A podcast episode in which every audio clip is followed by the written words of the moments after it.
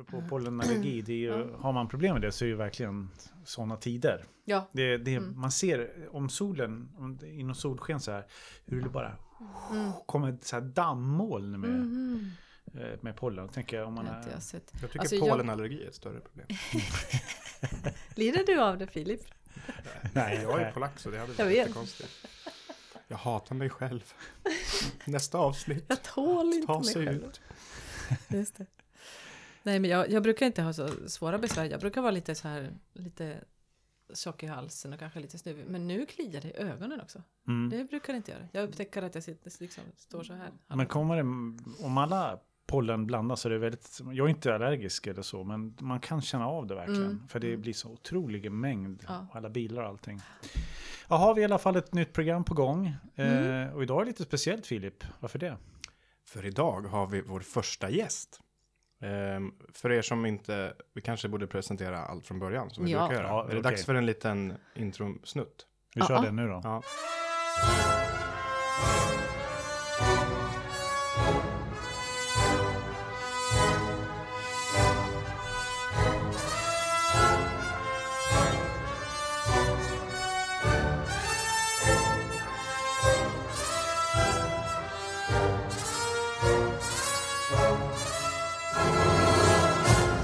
Varmt, varmt, varmt, varmt, varmt välkomna till, vad heter vi? Musiker i micken. Med mig Filip Draglund, trumpetare i Norrköpings symfoniorkester, Tanja Kaitaniemi Yes, violinist i orkestern. och Rickard Michelin. Ja, också violinist i Ja. orkestern. Och ett extra stort varmt välkommen till vår första gästkväll, veckans dirigent här i huset, Gudrun Dahlqvist. Ja, tack så mycket. Applåd! Välkommen! Tack så mycket. Roligt att se dig här. Ehm, ska vi, nej men be, berätta om vem du är. Det är väl bara, vi kör bara rakt upp och ner. Ja, ja. eh, nej men eh, jag är en tjej på 28 vårar. Vad ska man säga? Eh, nej men jag är ju violinist och dirigent. då. Eh, och eh, eh, ja, ja men jag är, jag bor i Stockholm annars. Just nu så pluggar jag på eh, Kungliga Musikhögskolan, en master i orkesterdirigering. Eh, men annars som sagt så har jag, jag är violinist och frilansar sedan några år. Jag bodde i Paris i två år och pluggade där. Mhm. Ehm, sen så, ja, jag är runt. Eh, spelar musik. ja. Var det fjol du pluggade i Paris också? Ja, precis. Ja. Eh, jag studerade i Stockholm först i fem år. Och sen så gjorde jag en master i Paris Ja. på fjol. ja. Hur kom det sig att du valde Paris? Eh, Jo, jag har... ehm, min bror bodde i Paris, i, eller i Frankrike ska jag säga, i tio år. Eh, och jag var också på några kurser där när jag var tonåring i södra Frankrike. Så det blev liksom att jag fick en... Eh, ja, jag började gilla Frankrike, jag studerade franska i skolan. Och, så då tänkte jag, ja men Paris, det är liksom... Och det är ett väldigt fint konservatorium. Så Mm. jag... Det var bara en tanke och sen så, ja men vi provar. Och så, oj. Ja, vad härligt. Så, Jag blir så grymt nyfiken. Hur uttalar fransmännen ditt namn? Ja, alltså... de försöker... Eh? Gudrun eller Gudrun, Gudrun ibland. Ja, det, känns, det känns logiskt. Dahlqvist då? Gudrun, ah, det, det är Delkvist. Det är någonting med att de har inte det här LKV, alltså det var helt... Så att mitt namn var ju bara två konstigaste sakerna ni kan tänka er. Jag liksom. kan tänka mig Det, alltså det, var, det tog ju, jag fick ju säga mitt namn cirka tio gånger varje gång jag mötte en ny person. Liksom. Och till slut var jag så här, ska jag säga det på svenska? Det förstår de inte. Ska jag säga på franska? Ja, men då förstår de vokalerna bättre, men de förstår inte. Nej. nej. Hoa kan man väl heta i Sverige? Hoa Hoa Dahlgren. Ja, men det är ett smeknamn. Hur skulle han uttala sig? Hoa, Hoa, Hoa. Men, eh, men även om Frankrike var ett land som så att säga, du eh, drogs till kan man väl säga då. Det, det måste väl också vara, kanske funnits en bra lärare som du Mm. också... Jo. Det var, det var precis att det, det föll sig väldigt perfekt i tiden att jag eh, var på en kurs, eh, Aurora Mu- Masterclasses var det, i Vä- Vänersborg. Och då så kom eh, en professor dit, Olivier Charlier, och det var han jag studerade för sen. Och eh, det var faktiskt eh, Ola Larsson där som leder kursen som sa att du, jag vet att du gillar Frankrike, kom till den här kursen för han är bra. Och jag älskade den professorn och så sökte jag nästa halvår. Så här, och så gick det bra. Mm, Och så mm. fick jag honom också. Ehm, det var lite så här poängsystem så fick man Ah. välja tre. Men jag hade tur och Mm. lyckades få honom. Ja. Det var nog inte bara tur, antar jag. Ja, jag övade lite också. Det Ja. jag. Men alltså, det, jag känner ju många i din familj. Mm. Ehm, det kanske inte Rickard och Tanja gör. Ja, Mm. Alltså jag det är en hel musikalisk, alltså jag har ju Ja. haft din mamma som körlärare eh, i grundskolan. Hon är Okej. en Mm. fantastisk eh, kyr, alltså hon jobbar väl som körledare och Ja, kyrkomusiker. kantor. Ja. Eh, och det, man har ju varit med på massor med sådana helt Mm. bisarra, bisarrt fantastiska konserter med stor orkester och arrangemang. Och, och pappa Jan var ju basist i Radiosymfonikerna Mm. och lärare Ah. på Lilla Akademin Mm. jag gick Okej. i bas. Och så ledde han blåsorkestern i två år av någon Ja, konstig anledning. han- Och det var, det, det var grymt. ja, nej men det, det är Och så jätte- alla syskon spelar Och så alla syskon. Jag har fyra syskon som alla är Mhm. äldre än mig och professionella musiker. Mm. Ehm, i, på stråk, de spelar stråkinstrument allihopa. Ah. Så Jag har ja. också fyra syskon, men jag är den enda musikern. Men eh, jag, jag hade inga musiker i släkten tidigare heller. Ja, nej, vi, Mm. vi bara spelade alltihop. Jag tror det blev en, eller det är en gemenskap också. Eh, jag såg jag växte ju upp med att alla, eh, min äldsta brorsa är 11 år äldre än mig, så jag växte upp och såg att alla övade. Mm. Och så spelade vi ihop ibland, på jularna framförallt, på påsken sådär. Och så ibland lite under året. Sjöng ni Mm. Bachchoraler på morgnarna? Ja, absolut. 0700. Och Palestrina som kvälls... Eh, nej, det gjorde vi inte. Eh, vi kanske sjöng jul, jul liksom på julen, men annars så, Ja. Men det är Eh. fina harmisar i den. ja det är det. Men är det, är det stråkmusiker? Ja, stråkmusiker alltihop. Är det Eh, sant? Vad häftigt. De, eh, viola, kontrabas, cello, fiol och så jag spelar fiol. Ja. Eh, Det är en jag- fin kvintett. Ja, vi en gång spelade vi kvintett ihop, men ehm, när man är syskon så har man inte riktigt den här professionella approachen till varandra. Så att, Nej. ehm, nej, så att eh, det, det tog lite längre tid att repa för att man satt och diskuterade saker väldigt mycket. Ja. Men har För man inte, har inte det där att nu måste vi, hallå vi har två timmars rep, nu måste vi faktiskt bestämma. Så, men nej Mm. men jag tycker, ja. men har inte, är det tre av dina syskon som är med i en stråkkvartett? Jo, just det. Mm. Eh, Tre stycken, exakt. De har en professionell eh, stråkkvartett med en, nu, eh, de har precis bytt primarie, Alexander Kagan, rysk violinist. som jobbar i Umeå. Ja, han är konstnärsmästare i Umeå. Tänkte, de, pre- tänkte precis fråga vem den stackaren var då som Ja. fick de här tre syskonen. Nej då. nej, Men, eh, men eh, ly- lyckas de vara professionella nu för tiden då? ja, ja, alltså de har hållit på i tio, alltså det är ju mer än tio år nu. Mm. 11-12 år har de varit aktiva. Mm. Eh, och de vann ju en Grammis förra året, eh, för de spelade in sin första CD med musik av, eller stråkkvartetter av Andrea Tarodi. Mm. Just det. Eh, Ja, Mm. det känner jag. Mm. det- Just det. Vad häftigt. Men, men, men du känner inte, nu har ju du, eh, du håller på med dirigerandet. Men det här med instrumentet och spelandet och det här, hur, eh, de, är de värda lika mycket på något sätt? Eller hur känns det? Ja, absolut. Jag fortsätter ju att spela. Jag Mm. frilansar just nu som violinist också. Eh, jag Mm. spelade för Claire Nacht i Helsingborgs symfoniorkester två veckor sedan. Sådär. Mm. Sa du Eh, till när dirigenten gjorde något som du inte gillade? nej, eh, nej, det är klart att jag har ju, jag har ju fått en annan syn på dirigenter sedan jag började själv. Det har jag ju. Eh, Större förståelse eller tvärtom? Både och. Både och faktiskt. Nej men jag, jag säger ju så här, ah, den personen gör så, ja men det kan man göra, så den personen så, ja, det håller jag inte med om. Men det är ju mycket musikalisk smak. Ja, Mm. just Eh, nej men jag tycker de är ju, alltså vad heter det, jämlika för mig. Jag, jag vill inte sluta spela. Eh. Mm. om det någon gång blir så att jag får en sån stor dirigentkarriär att jag inte har tid att spela fiol, ja okej, då blir det så. Men eh, jag ska försöka fortsätta spela så mycket jag kan. Mm. Mm. Eh, eller så länge jag kan. För Hur kommer det sig att du tog upp dirigering då?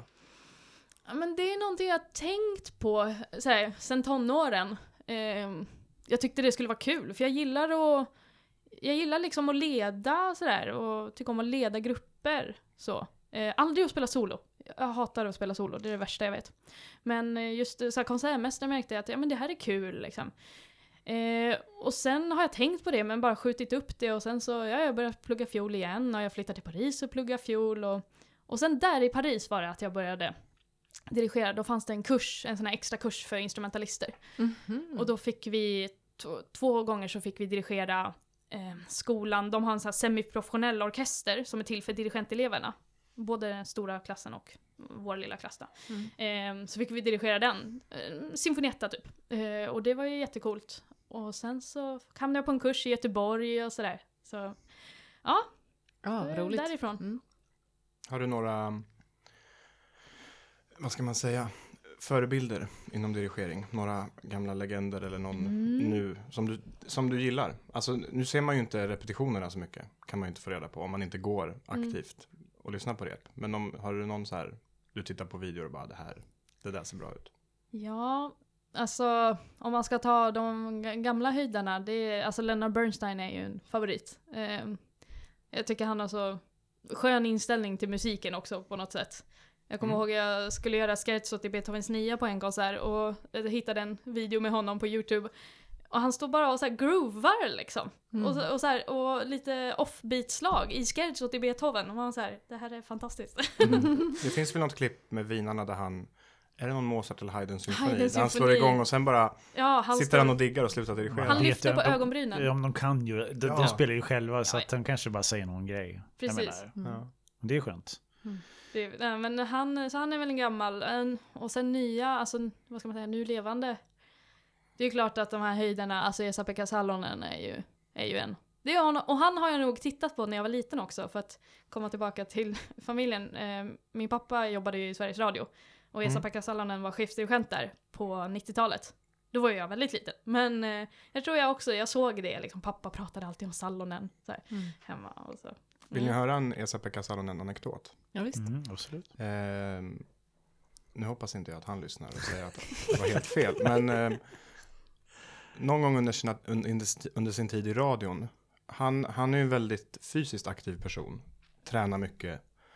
Håller sig i form. Och tydligen så gillar han, gillar han gå ut och, eller gjorde det då i alla fall, gå ut och springa innan konserten. För att, jag vet inte, för att det är skönt, endorfiner, vad som helst. Mm.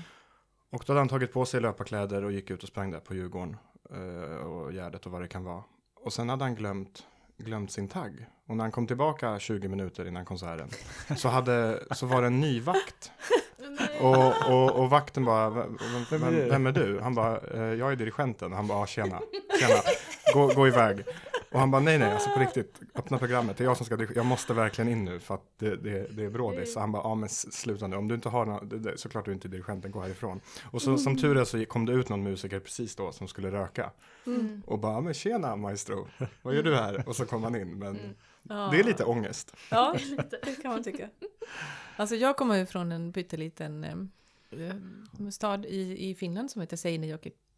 Och där, åtminstone då, när jag bodde där för länge sedan, så, så hade Sibeliusakademin alltid en dirigeringssommarkurs varje år i augusti Mm. i Seinejoki med eh, Seinejoki stadsorkester. Och jag fick spela med i orkestern på de här kurserna från att jag var jag tror från att jag var 13, år- 13 år eller något sånt. Och det var otroligt lärorikt. Och bland annat så har jag ju då varit med när bland annat Salonen och Saraste och Okej. flera andra av de här eh, dirigerade för typ allra första gången. Mm.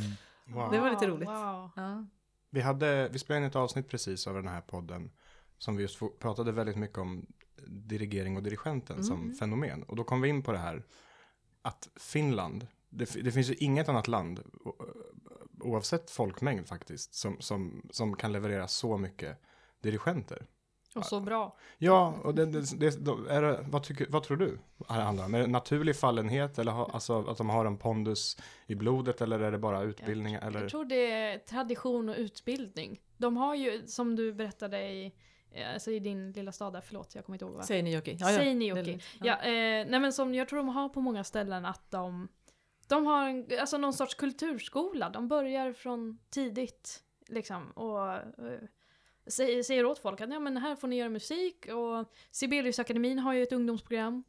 Eh, och jag vet Ja. också att Sibeliusakademin, även på högskolenivå, de, de får ju komma ut eh, till Finlands orkestrar. De satsar väldigt mycket. Mm. Eh, de skickar ut eleverna och eleverna får komma till. Mm. Och det, alltså, det är ju det viktigaste, det är det som är svårt som dirigent. Vi kan inte öva på vårt instrument. Ja. Vi kan inte bära runt på en hundramannaorkester i, i väskan liksom. Nej. eh, utan vi får ju de här få, få minuterna här och där. Eh, och det, hur ska man kunna lära sig om man inte får öva på sitt instrument? Men, men, men åker de ut väldigt tidigt i utbildningen eller- är det mot slutet? Vet du det? Eh, Det har jag inte riktigt koll på, men jag tror det är hyfsat tidigt. Mm. Eh, inte barn då, utan nu är det ju på högskolenivå, Mm, ja, vet precis. jag. Mm. Eh, jag tror det är ganska tidigt ändå. Mm. Men som sagt, jag vet inte. Mm. Och jag vet också att de har mycket eh, på skolan. De satsar alltså studentorkestern på skolan. Man får dirigera den. Och... Ja. Och de, eh, på Sibeliusakademin så i alla fall, nu är mina finlandskunskaper lite daterade eftersom jag inte har bott där på över 20 år. Men eh, jag tror att de fortfarande har en, att dirigenteleverna, de, har, de bildar liksom en orkester och spelar, Mm, alltså bara samlas Precis. och dirigerar varandra Mm. Ja. hela tiden. Ja, Oavsett liksom vilka instrument, det- det blir lite Kajsa Warg. Man, Ja, Ja, precis. Man, precis. eh, Ja, just man det. kör bara. Man Liksom. ska Och- alltid spela. Ja. På, Ja, det är ju fantastiskt. Ja, och sen har ju, åtminstone så har det funnits ett krav för att komma in på dirigentutbildningen i, i Helsingfors på Sibeliusakademin att, att man ska redan ha en examen i ett orkesterinstrument Mm. Mm. redan innan. Så att man kan inte Mm, komma in. Piano gills inte. Det ska vara Mm. ett orkesterinstrument. Så var det på Panolas tid i alla fall. Mm. Eh, men sen så hela musikutbildningen, alltså typ kommunala musikskolan i Finland är ju lite mer, vad ska man säga, pratade vi om det sist? Jag kommer inte ihåg, men kanske lite mindre att man bara ska mm, leka och ha roligt och lite mer att man ställer lite krav på barnen. Att Mm. om man, vill, Mm. om man vill ha en plats där, om man vill gå där så, så får man liksom också göra det. Man får, man, man får öva. Och så hade, jag hade till exempel obligatoriska teorilektioner från att jag var tio år en gång i veckan. Eh, obligatorisk orkester från att jag var tio år en gång i Mm. veckan. Och sen kunde vi få kammarmusikutbildning. Jag hade en stråkkvartett i sju år redan innan jag hade liksom tagit studenten. Ehm, och ett tag hade vi bluegrassorkester och vi hade lite olika, allt möjligt liksom. Man fick prova på lite allt Ja, och, och just den teoretiska biten i finska musikskolorna är mycket mer gedigen. Så att när jag kom till Akis så kunde jag ju tenta av en del. Ja, det förstår jag. Um, Ak- Akis är då Musikhögskolan i Stockholm. Det är ju inte självklart Just för det, alla. bra att precisera. Men, men är det är inte så att de nordiska länderna samarbetar inom utbildningen utan Sverige är Sverige, Finland är Finland och så vidare? Det är så? Ja, det, Ja. så är det.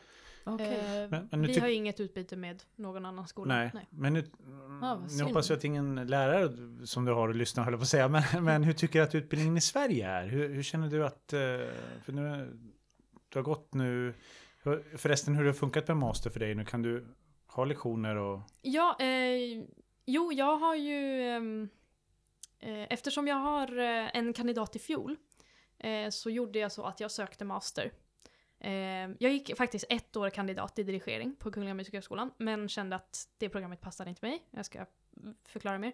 Eh, så då sökte jag upp, jag provade och, och jag kom in och då får jag börja eftersom jag har en kandidat. Man måste ha en kandidat i någonting för att få göra en masterutbildning. Det Måste liksom det vara ett konstnärligt ämne eller kan det vara jag vad som helst? Jo, jag tror det är ett alltså, konstnärligt ämne och, eh, perf- alltså, performance-hållet. Ja, just det, så man har Mm. teorin lite Ja, grann. eh, nej men så att du, du kan inte, jag tror inte du kan ha gjort någon så här musikvetenskap. Mm, mm. Mm. Och sen Ah, okej. tror jag, jag är inte Mm. säker, Mm. Men jag tror, jag misstänker att, för jag har hört flera som har gjort det här, det som har sökt så upp. i alla fall. lant, Ja. lantmätare? ja, nej, det, det ska ju för det första konstnärligt och sen jag vet inte om det här med, att jag säger performance men Mm. ja, ja. Mm. Eh, man ska ha spelat någonting. Ehm, eller sjungit, såklart. Ehm, nej men så, eh, och då... För att på, på mitt program, på masterprogrammet, ehm, det som är fantastiskt är att vi kommer ut till många orkestrar ehm, i Sverige. Mm. Ehm, under det här året, det här är mitt första år då på den utbildningen och eh, vi har gästat eh, Livgardets dragonmusikkår, Arméns musikkår, Gävle symfoniorkester. Vi skulle ha kommit till er, Norrköping då, tre veckor Mm. sedan, men på grund av det som händer just nu. Så eh, Norrköping, Västerås, Umeå eh, och så Norrbotten Neo, den här moderna ensemblen Mm, från Piteå. Men det är Så fantastiskt att det, fin- att det är så mycket. helt Mm. otroligt. Ja. Och vi är den faktiskt utbildningen i Norden, vad jag har förstått, eller kanske ännu längre, som kommer till flest orkestrar. Alltså gästar professionella orkestrar. Jättebra. Men det här liknar lite grann för det finska eh, Ja. systemet. Då, Ja, fast säga. i Finland så är det liksom inte skolorna som står för det, utan jag tror Nej, att det är nej, mer nej. att, att orkestrarna har en kultur och Mm. en vilja att Ja, det- hjälpa de här att komma fram och Och bli där bättre. har de väl liksom. också alltså, studentorkestrar varje vecka på skolan Ja. som Mm. dirigenterna Ja, får det öva på. jag. Och det får ni Exakt, väl det göra har lite inte ibland. vi. Nej. Så det är det som är kruxet Okej. eh, som då är svårt om man bara går i Sverige. Mm. Jag har ju inte dirigerat mycket studentorkestrar innan Mm. jag kastades ut nu, nu inför Ja. professionella. Mm. Eh, vilket såklart är, det är ju en helt annan ribba på vad man, eh, liksom, hur man måste prestera och vad man måste kunna. Ehm, så det är ju det som är svårt, för att, och det var det jag kände på kandidaten också, eh, den här grundutbildningen. Eh, att det finns inte eh, det finns, alltså det finns inte pengar, det finns inte möjlighet att göra för, så mycket. Mm. Så det blev mindre ensembler liksom, på 10-15 personer och det är inte samma sak. Eh, och det är minuset måste jag få säga då. Eh, med kandidatutbildningen på Kungliga Musikhögskolan att, i dirigering. Att det, man, man får inte göra det man ska. Eh, alltså, alltså det här, symfoniorkester. För Mm. det, det, är en, alltså det är en massa man måste lära sig att hantera. Och det kommer inte bara av att tänka. Mm. Men, men om det nu då är eh, musikhögskolorna som sköter den biten så, så, är det, finns, så är det ett enormt ansvar som orkesterinstitutionerna har att knyta de unga dirigenterna eh, till sig och göra produktioner. Ja. Så att, så att man får lite grann som i Finland tänker jag, för då, då, då får man den här möjligheten att komma ut och Mm. det blir ett, det är bara som, det är som cirklar som bara Precis. löper hela tiden. Bara personerna som byts ut genom Ja. åren liksom. Och vi kommer ju aldrig få lära oss ifall inte vi får prova heller. Nej. Alltså självklart är det ju, men det är som med att prova en, det är ju på en annan nivå, men prova en ny frilansare eller prova en ny solist liksom. Eh, men solist och dirigent är ju såklart ett snäpp högre, det är svårare. Men jag tycker Sverige borde bli bättre på att, eh, som du sa, våga knyta Mm. liksom. Sätta dem på de lättare projekten eh, med kanske mindre musik eller liksom någonting sådär. Eh, barnkonserter brukar det ju vara, till exempel skolkonserter. Ehm, alltså för det är guld värt att få komma ut och göra det. Jag är jätteglad att jag är här. Nu, nu är jag här på, som professionell då. Det, är- det är ju inte knutet till skolan, det här jag gör den här veckan. Vi kanske borde nämna vad du gör här. Ja. Ja, precis. Vad gör du? Vad gör Vem jag? är jo, du? Men, Vad Nej. gör du här? Jo men vi gör, vi gör ju, det skulle ha varit skolföreställningar men nu gör vi en inspelning då av eh, Filip och Filippa fixar fnurror. Heter föreställningen. Och Mm. Filip och Filippa är ju era maskotar har jag förstått. Ja. Ehm, så Vad är det det? Filippa, Filippa Fiol. Fiol, ja! Filippa Och Filip Fiol Fagott. och Filip Fagott. De har fantastiska kostymer på Alltså, sig. är En helt- fagottkostym. Vem kommer på det? Och hatten, alltså, och så den här eh, munstycket som sticker ut rakt eh, från magen liksom. Nej, googla upp de bilderna säger jag bara till ni som lyssnar. Det Eller titta på, vi, vi ska spela Oh. in den nu i två dagar så den Ja. kommer ju förhoppningsvis, den kommer ju sändas för barn i Östergötland, men kanske att den går att se. Det tror jag, absolut. För Ja. Men det är vår skolproducent Kristina Holm Danielsson som har sytt dem där. Hon är ju, Mm. hon är ju hur bra som helst. Ja. Framförallt skulle väl den här produktionen sändas på skolornas egna plattformar. Men vem vet, den kanske kommer ut eh, Just det, så är det. s- så är det. även offentligt. Det Men då får inte. ni föräldrar Mm. titta med era barn. Ja! Mm. Mm. Nej men så vi gör en föreställning och då eh, Filip, eh, eh, ja Filip och Filippa, jag ska säga Fiol och Fagott också. De Mm. märker ju att jorden håller på att värmas upp och det blir översvämningar så de rymmer och flyr till Nordpolen. Ehm, men så kommer de på att men vi kan ju inte rymma, vi måste ju hjälpas åt, stanna hemma och hjälpas åt att fixa det här. Mm. Och då så upptäcker de det här med fnurror då. Som ska rädda världen. Och fnurra är ju bara, ja men det är vad man gör det till, kommer en person och räddar dem och säger. Jaha. Och så att, eh, då visar det sig att Filip Fagott är riktigt bra på att rappa. Så då skriver, han, då skriver de en låt, en rapplåt om att eh, inte slänga skräp på marken Mm. och ta bussen istället för bilen och sådär. Mm, och så- Bra. Så stannar de, så åker de hem och räddar världen. Mm. bra. Men vi kommer, kommer inte vi se mer av dig Jo, framöver? det också. Jag kommer tillbaka i september och gör Beethovens tvåa Mm. med er. Det ska bli jätteroligt. Ah, Och jag tycker det där går tillbaka lite till det du sa, att det, det är väldigt nyttigt och viktigt för nya dirigenter att komma ut i orkestrarna. Men jag tycker det finns en far, alltså jag tycker generellt svenska orkestrar eh, vill testa svenska dirigenter just på så här blandprogram, barnprogram, skolföreställningar. Eh, och därför, men, men det är mycket bättre att man får en, en symfoni på ett sätt. För att den här, den här typen av eh, oftast barnproduktioner är ju väldigt mycket genrer, väldigt korta låtar. Och det är mycket Organisatoriska. organisatoriskt följa ett manus, eh, tajma eh, skådespelare i olika ändar av rummet som springer runt. Mycket logistik. Och det blir inte kanske den här som man, jag tror om man, om man vill satsa på dirigering så handlar det om att man vill visa eh, musikaliska Mm. tolkningar och, och så. Det är Det därför de kommer tillbaka ur Beethovens Ja, så att Det- jag, Ja. tack Norrköpings symfoniorkester. Och Tack. vad roligt att Det vi ska bli jättekul och det är ju en stor grej för mig att få göra en, få göra en Beethoven-symfoni liksom. Ja. Jag har gjort bitar men Ja. Eh, och det är, Eh, ja, ja. Vad, hur många professionella orkestrar har du dirigerat hittills? Får jag fråga det? Mm, om man räknar in med, eh, M- det räkna jag in gjort i allt. skolan, Ja, ja. ja. eh, ja men då är det Gävle och så Arméns musikkår, Liv, Livgardets dragonmusikkår som är två eh, blåsorkestrar i Stockholm. Mm.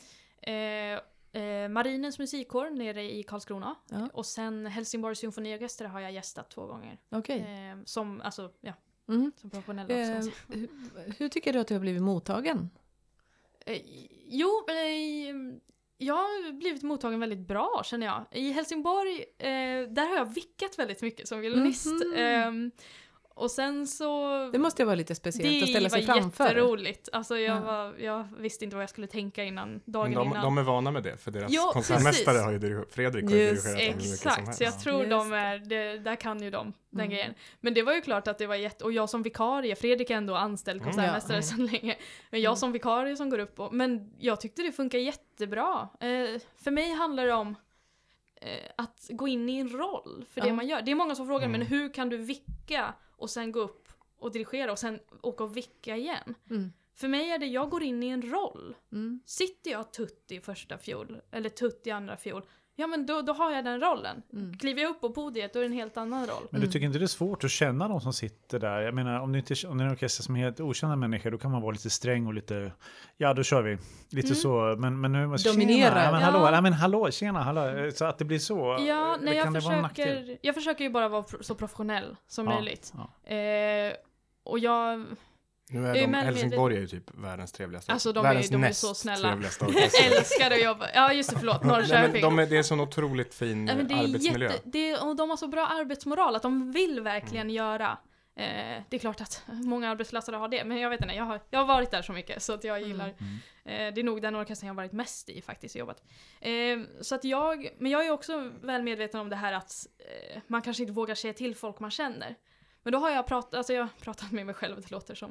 eh, nej, men jag har tänkt för mig själv att eh, ska jag göra ett bra jobb så måste man ändå någonstans kunna säga Mm. till. Så jag försöker hitta en balans där, att som sagt, jag går in i den rollen jag har. Men det förstår man. Man förstår det som de- orkestermusiker. Ja. Och jag, jag tror att man uppskattar det, för jag vet att jag uppskattar det. Om jag skulle eh, jobba med någon. Jag uppskattar mer den här att, ja men nu gör vi ett professionellt jobb. Mm. Ehm, och det är såklart ifall någon säger till mig, men gud du gör fel där, om jag sitter och spelar. Du gör fel där, fixa det här. Och då säger jag, ja okej. Eh, För att eh, det är klart man blir, oj, liksom. Men kanske. Eh, vi är inte alltid vana vid direkta till, tillsägelser i Sverige. Men eh. Men det, det är lite grann vad vi har talat om tidigare, att just det här med kommunikation, att det handlar om att kommunicera. Det finns en Ja. tydlig hierarkisk uppbyggnad och att dirigentens främsta redskap är psykologin. Mm. Nästan. Mm. Har ni Jo. sånt på utbildningen? nej tyvärr, det skulle jag. Psykologi ska man Ja. verkligen ha. Ja, beteendevetenskap. Ja. Och retorik. Ja. Det behöver inte vara Ja. jättelång kurs. Ja, retorik, ja, Jag du har en någonting. dröm att ni spelar ihop. Jag har en, En dröm att det låter Nej, men bättre. alltså, retorik, jag menar inte, alltså jag också, det här med, med rösten och så här. Ja. Ja, kan, trumpeterna kan ni ta lite starkare där uppe. Va? Vad sa du?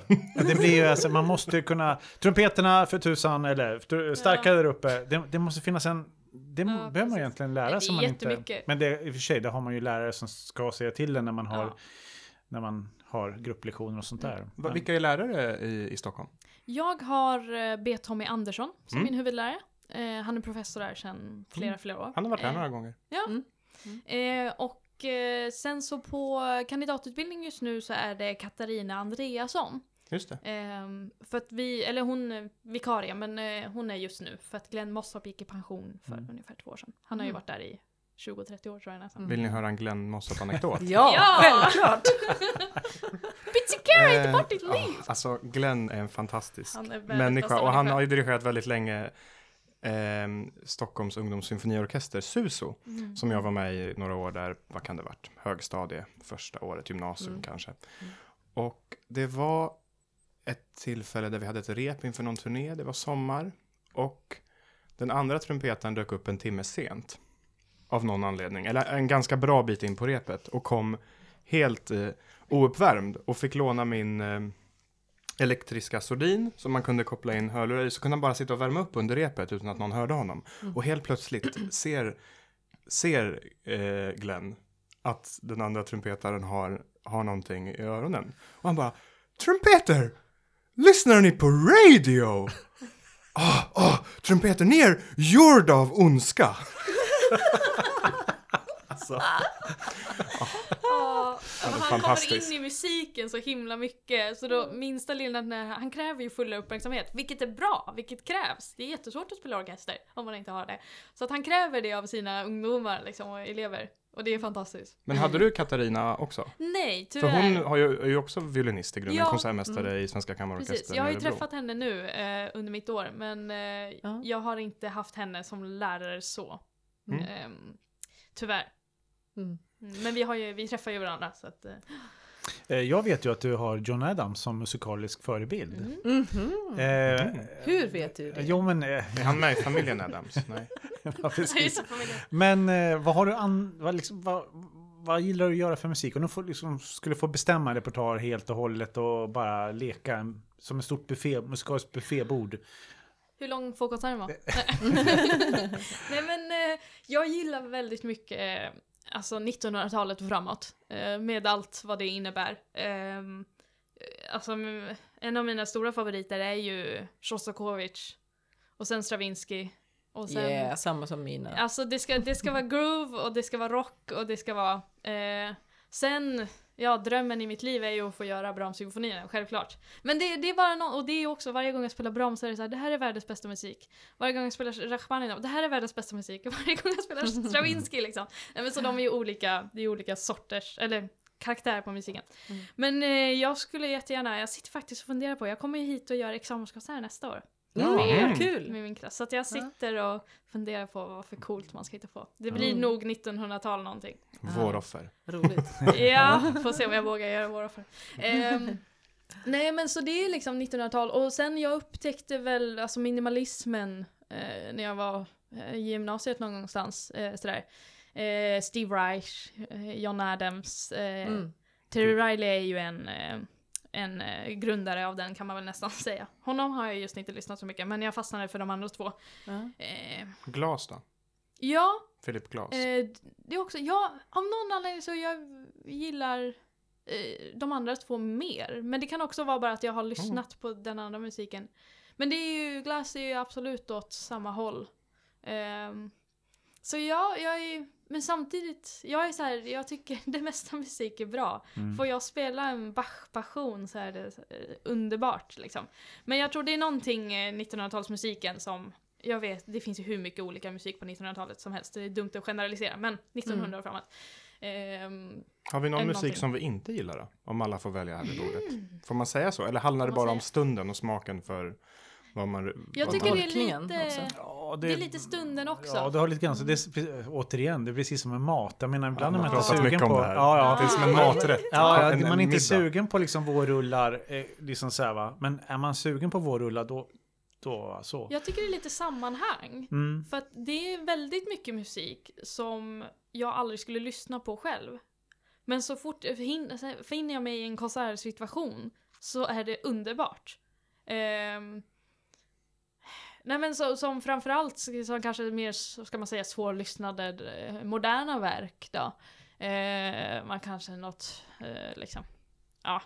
Säg ingen som Nej, jag, kanske lyssnar på det här. Nej. Du nej, har men, skrivit. eh, nej, men så, så, så då kan man ju, men då kan det vara jättehäftigt för att man ser musikerna liksom ehm, jobba, alltså jag, jag, jag vet inte, se musikerna jobba och Mm. göra någonting är ju Mm. liksom ehm, Sen är det en skillnad också på att lyssna på musik i publiken och vara med och dirigera eller spela den. Mm. Alltså Ja. jag, och Jättestor skillnad. alltså typ Verkligen. Elgar har ju skrivit fantastiska verk.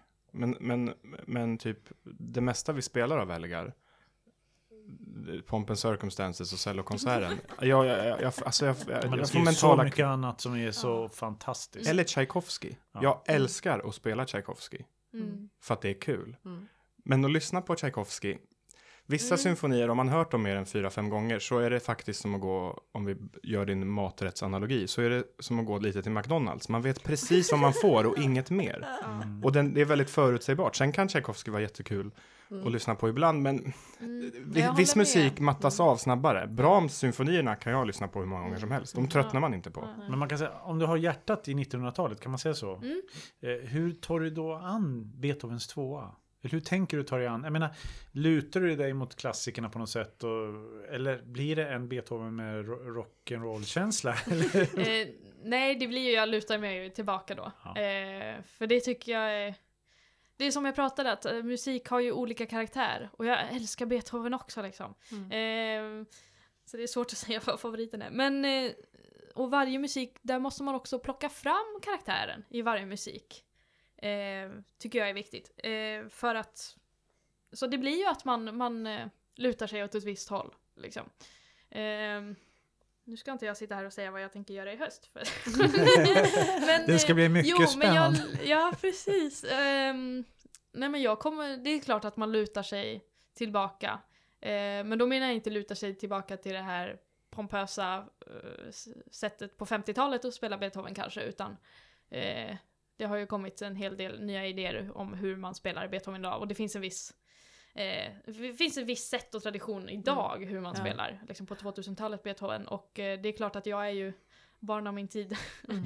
Ehm, men eh, ja, Nej, men det är spännande. Ja. Men är det inte lite, det är skönt att det har kommit en ny, alltså att folk vågar anamma fräscha idéer och Mm. nya idéer. För just, har vi nämnt det här? Alltså typ, va, även fortfarande idag, varje gång någon spelar Beethovens femma, det här har vi nämnt tror jag, vid tidigare avsnitt, så är det alltid någon recensent eller någon någonstans som skriver, ja men det är inte som Karajans version. Ja. Och man är säger, ja men herregud, Mm. det har gått 67 år, kan vi inte släppa det och försöka göra olika varianter av det finns på CD. Mm. Ja men det, det, det är världens mest spelade klassiskt Ja. verk. Ska, om, om, Mm. om du vill gå och lyssna på ett jättetråkigt coverband som försöker härma en tolkning som du redan hört, Mm. varsågod. Men det är ju inte charmen Nej. med att gå på konsert. Nej. Det tycker jag kan finnas lite mer också, att man vågar ta ut svängarna. Ehm, av, eh, alltså, och göra, göra sin grej, göra sin tolkning. För det är väldigt svårt, alltså man känner ju pressen. Jag, jag, jag har diskuterat med mina eh, klasskompisar till exempel, unga dirigenter, ja men får man gå upp och göra som man vill? Liksom, för det är ju Just det det. här, som du sa Filip, att det är så mycket att, ehm, eh, att man ska vara på ett sätt. Eh, alltså, åh, du ska följa de här gamla tolkningarna. Mm. Eller så här, så det, Man får hitta en balans där. ja. Men jag tror också som du säger att det är skönt, jag tror musiker uppskattar idag det här fräschheten, att man, man får faktiskt komma och göra något annat. Bara man är, man ska ju ha grund för det då. Det är exakt det jag sa när vi pratade Mm. om det här. Att man vill inte ha, man vill inte ha bara en mainstream-tolkning utan någon som har ändå tänkt någonting. Mm. Mm. Då blir det mycket roligare Ja. eh, när man gör, verks, musik som spelas mycket. För det får man säga Mm. att Beethoven, Beethoven gör. Absolut. Att man gör. Alltså jag känner att det är helt omöjligt att ha Gudrun här utan att beröra det som vi pratade om sist när vi pratade om dirigering och det här med kvinnliga dirigenter. Kvinnliga, Hur, kvinnligt hur och många, manligt. kvinnligt och manligt ja. Hur man uppfattas och sådär. Men hur många är det nu som går på master, eh, alltså kvinnor och män, Eh, på dirigering? Ja, det ska jag inte berätta, höll jag på att säga. Vi är ehm, sex stycken i, Ja. alltså i hela, på hela utbildningen, ska man säga. Eh, På orkester. Orkesterdirigering. Det finns ju kördirigering också där. Mm. Men vi är sex stycken och eh, det är fem killar. Är det sant? Just nu. Men, eh, så det, och det ju, kan ju vara att så ser det ut ibland. Men sen Ja. är det också att vi är väldigt få. Det är väldigt få eh, elever på kandidat just nu. Mm. Eh, det bör vara fem till. Eh, I alla fall. Och då faller det ju bort liksom att såklart. Och sen så, sen så fluktuerar det ju från år till år. Att nu var det bara jag liksom, som är tjej. Eh, men det är klart att det, så, vi är ju färre tjejer som dirigerar. Eh, Ja. fort, alltså, men det, Fortfarande. fortfarande, men det har ju ändrats enormt. Mm. Eh, vi accepteras ju nu Mm. om man jämför med länge sedan. Men har du känt av de här gamla förlegade attityderna? Ehm, jag måste säga, antingen är jag naiv eller så har jag inte riktigt gjort det än. Eh, det är väl lite så här, ja man får väl höra så ah, vad duktig du är. Men Mhm. det är väl också, det tänker jag, visst jag är, att jag är kvinna men också att man är ung sådär. Det, Ja.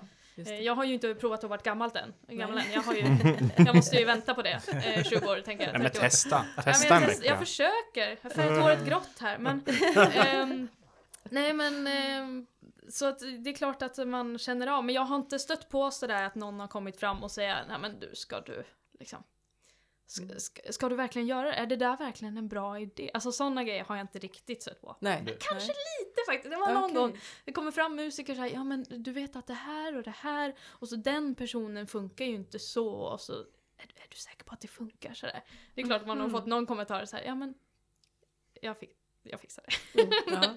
Ja. Ehm, men eh, ja, Jag, jag ser inte dig som kvinnlig dirigent i alla fall. Nej, jag ser dig tack. som dirigent. tack. Mm. För det var också, jag pratade, det, jag var med i ett liten, någon radiomorgon där. Eh, för en månad sedan, eller två månader sedan. Och eh, då just på det här, för jag var med eh, Malmö universitets, eh, eh, vad, vad ska man säga? Alltså Malmö Akademiska Orkester eh, tillsammans med Franziska Skog eh, startade, hade en liten seminariedag om Mm. just kvinnliga dirigenter. Mm, okej. De, eh, så vi fick dirigera lite ur Tchaikovsky 5 eh, med Akademiska Orkestern på Malmö universitet. Och eh, Ruth Reinhardt kom och från Vända i stan och undervisade lite.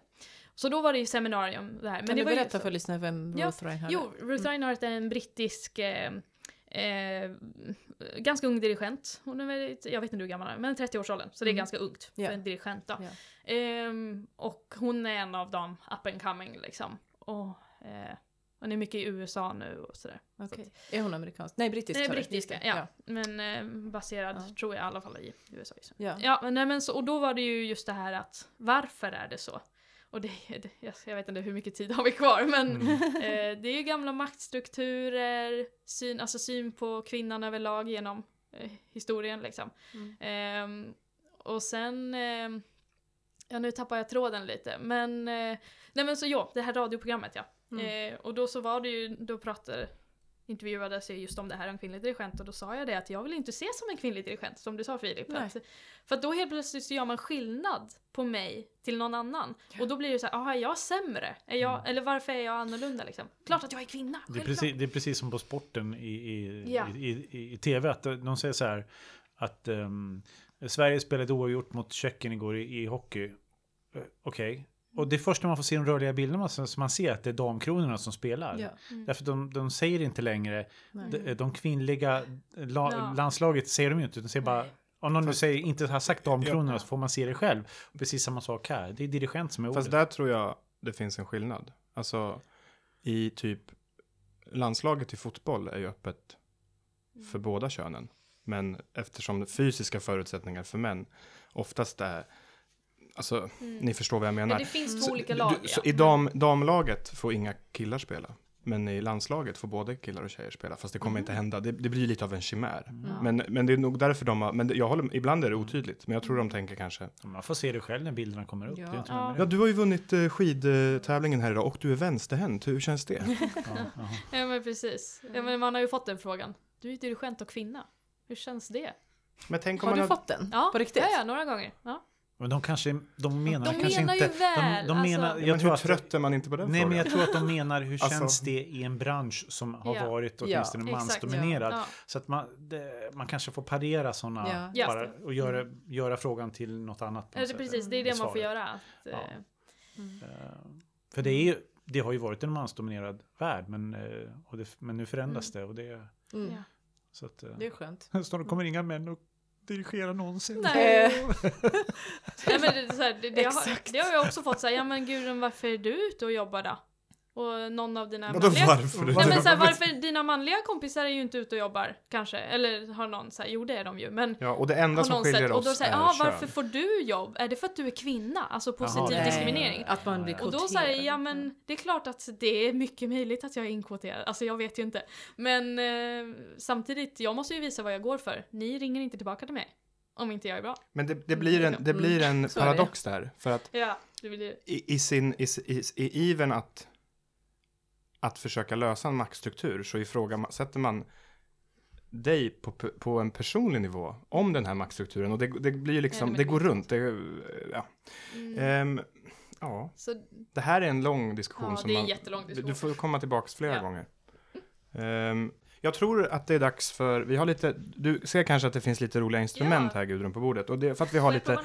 Speciella saker. Ja, du kan få testa den där. Innan, det här, vad kallas det Tanja? Flexaton. Du håller tummen där Jaha. och sen smäller du till den och så rör du på tummen. Den är inte så stark. Det, det är en sån där. Oj! Knäpp va? Det är fantastiskt! Vi har snälla slagverkare som har lånat oss. jag har jobbat med barnföreställningen då, så jag bara wow! Ja! Ni filmar inte va?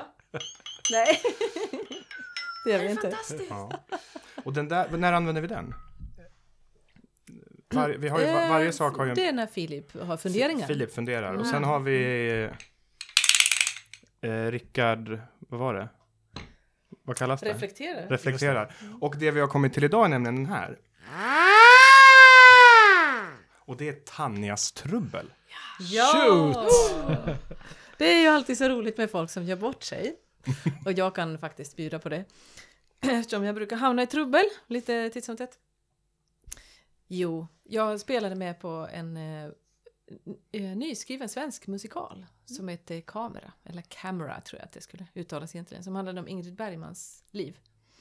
Och i den så spelade jag fiol och mandolin på, på några sånger för att det skulle det hade lite anknytning till Italien och Ingrid Bergmans italienska man och sådär.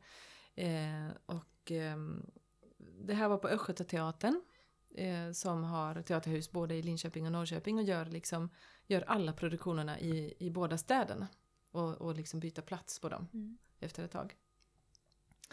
Eh, och nu så, jag bor i Norrköping men eh, just nu så gick den här musikalen kamera i Linköping. Och så blev det påsklov tror jag att det var. Lite längre uppehåll och ambitiös musiker och eh, fruktansvärt dålig mandolinist som jag var så tänkte jag att jag måste ju ta hem den här mandolinen över lovet så att jag liksom håller igång den och, eh, och eh, övar på den. Så, att, så att jag inte liksom tappar det och kommer tillbaks efter, efter lovet och så, och så låter det inte så trevligt längre eh, av eh, den italienska mandolinen. Ehm, så var det lov och så, åkte, och så skulle det bli dags för första föreställningen efter lovet. Jag åkte till Linköping och inser plötsligt eh, föreställningen skulle börja klockan 19 och tre minuter i 18, tre minuter i sex inser jag jävlar, mandolinjäveln är i Norrköping. Jag var så van vid att den alltid fanns i diket. Liksom. Ja. Att den alltid låg där i sin, i sin lilla hållare som, eh, som den alltid Du brukade kände stå bara i. hur svetten bara sprutade fram i... Ja, jag hann inte ens känna det. Jag hann Nej. inte, alltså, det, det, kom, det kom ganska starka finska eh, fula ord ur min mun just då. Och så Vill sa du ge jag exempel bara... på det? Eh, det är ganska mycket R, Ah. kanske 17 stycken eller något sånt. K-rauta. Nej, det var inte nej, det, var inte det ordet jag tänkte på. nej, men, eh, men så, så hann jag liksom eh, säga det till mina närmaste kollegor, det fula ordet. Nej, men att, eh, att, att mandolinen är, är i Norrköping. Mm. Och jag insåg att jag kommer inte att hinna köra ens med bil från Linköping till Norrköping och tillbaks och hämta mandolinen. Utan jag var tvungen att fixa en mandolin, liksom, nu I Linköping. i Linköping. Och så var det någon som kom på att ja, ja, men eh, musikaffären här borta, eh, de kanske har den liksom. Och jag, han eh, kollade på nätet att de stängde klockan sex och jag hade alltså kommit på det här tre minuter i sex. Och shit vad jag sprang. Jag tror aldrig, jag tror det måste varit rekord för, mitt personliga rekord på, på hur fort jag kan springa som jag sprang till den här affären. Kastade mig in och jag hade nästan velat se mig själv på film. Var så andfådd och så svettig och kastade mig in genom dörren och bara Har ni en mandolin? och han som stackars expediten Alltså det är helt otroligt. Det har tydligen aldrig hänt förut. Men precis dagarna innan hade de sålt slut på just mandoliner. Nej. Det hade liksom aldrig hänt förut. Så de hade inte en enda mandolin inne i denna musikaffär. Eh, men det var en otroligt snäll person som, som eh, var bakom disken där som sa att ja men, men jag känner en snubbe som brukar spela eh, eh, lite så här, vad heter det? Ja men bluegrass typ eller något sånt. Mm. Och eh, så, så jag, jag ringer honom liksom. Och så, och så ringde han sin kompis som spelade, som spelade mandolin eller, och, och var mandolinägare. Och så fick jag prata med den här, jag, jag var fortfarande helt andfådd, jag hade fortfarande liksom inte hunnit lugna ner mig. Och den personen säger att ja visst, jag har inget för mig just nu, jag kommer dit, jag är där om tio minuter med mandolin till dig. Ah, vilken otrolig lättnad! Alltså det hade ju gått att göra föreställningen och spela allt som var för mandolin på fiol, men det hade ju inte, det var ju inte meningen. Sen det hade ju in- inte varit... insändarna haglat i tidningen. Ja, Jag hade lovats Ja. mandolin på föreställningen igår. exakt. Men var det någon skillnad? Var, var det en, eh, en annorlunda mandolin? Ja, det var faktiskt annorlunda. Den var betydligt mindre än den som jag var van att spela. Oj. Eh, i mensuren, alltså i måtten hur nära fingrarna, vänsterhandsfingrarna var och också hur nära strängarna var. De, de var också närmare. Så att det Wow. blev en liten omställning liksom. Eh, Många toner. ja. fast Det är därför man var- inte ska öva för mycket tycker jag på någonting. För då är risken att muskelminnet, och då klarar man inte av sådana här Filip, vi situationer. vill inte att barnen ska höra det, att du säger så. Jo men, eh, eh, och, det, och det roliga var att eh, vi hade på Östgötateatern så har vi alltid ett, ett litet liksom soundcheck och lite check på, eh, vi spelar lite tillsammans eh, 45 minuter föreställ, innan föreställningen Mm. för att det också är lite olika musiker kan vara på olika föreställningar. Så kvart över sex började det här lilla repet, förrepet liksom. Kvart över sex satt jag där med en mandolin faktiskt. Oj. Och det, här var 18 inte ens- minuter som kändes som En evighet. Ja, en evighet. Ja, eh, 18 18 minuter av eh, ångest och lättnad och, ehm, och sen lite stressig mandolinövning. Men det var liksom folk där som inte ens hade fattat att, jag inte hade min, Nej. min egen mandolin, alltså i diket menar jag, Ja. i Mm. orkestern. Men var du inte helt slut sen när föreställningen började? För att adrenalinpåslaget hade gjort att man var helt... Inte när den började, men Nej. under tiden när jag liksom lugnade ner mig så, Ja, så, och adrenalinet Ja. försvann så, så byta, blev ja, jag precis. lite... Men jag var väldigt trött när jag åkte hem den kvällen, det kan jag säga. Av all spänning liksom. Så dagens tips är, glöm inte mandolinen hemma. Precis. Mycket Mm. viktigt. Mm. Eh, ja, tack Tanja. Tack för den, det trubblet. Varsågod. Eh, det är kanske är dags att börja runda av. Ja. Jag vet inte vad ni säger.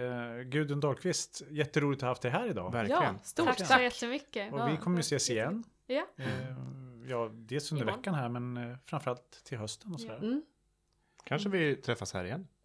Precis. Och följer upp. vet? Mm. Och sen efter vårt 500 avsnitt så kommer du tillbaka och berättar Ja. hur, hur Mm. allting går i Ja. orkestervärlden. Ja, vi är väl uppe på kanske 25 000 lyssnare nu så att 500 miljoner är väl inte en orimlig exponentiell ökning till show, dess. tänker Ja. jag. Lite. Just det. Live, live. Precis. Live från taket på Norrköpings konserthus. Ja, underbart. Globen. Just det. Ja. Men tack för att ni lyssnade. Vi, Ja. eh, Tack, på tack. återhörande. Hej då. Hej då. Hej då.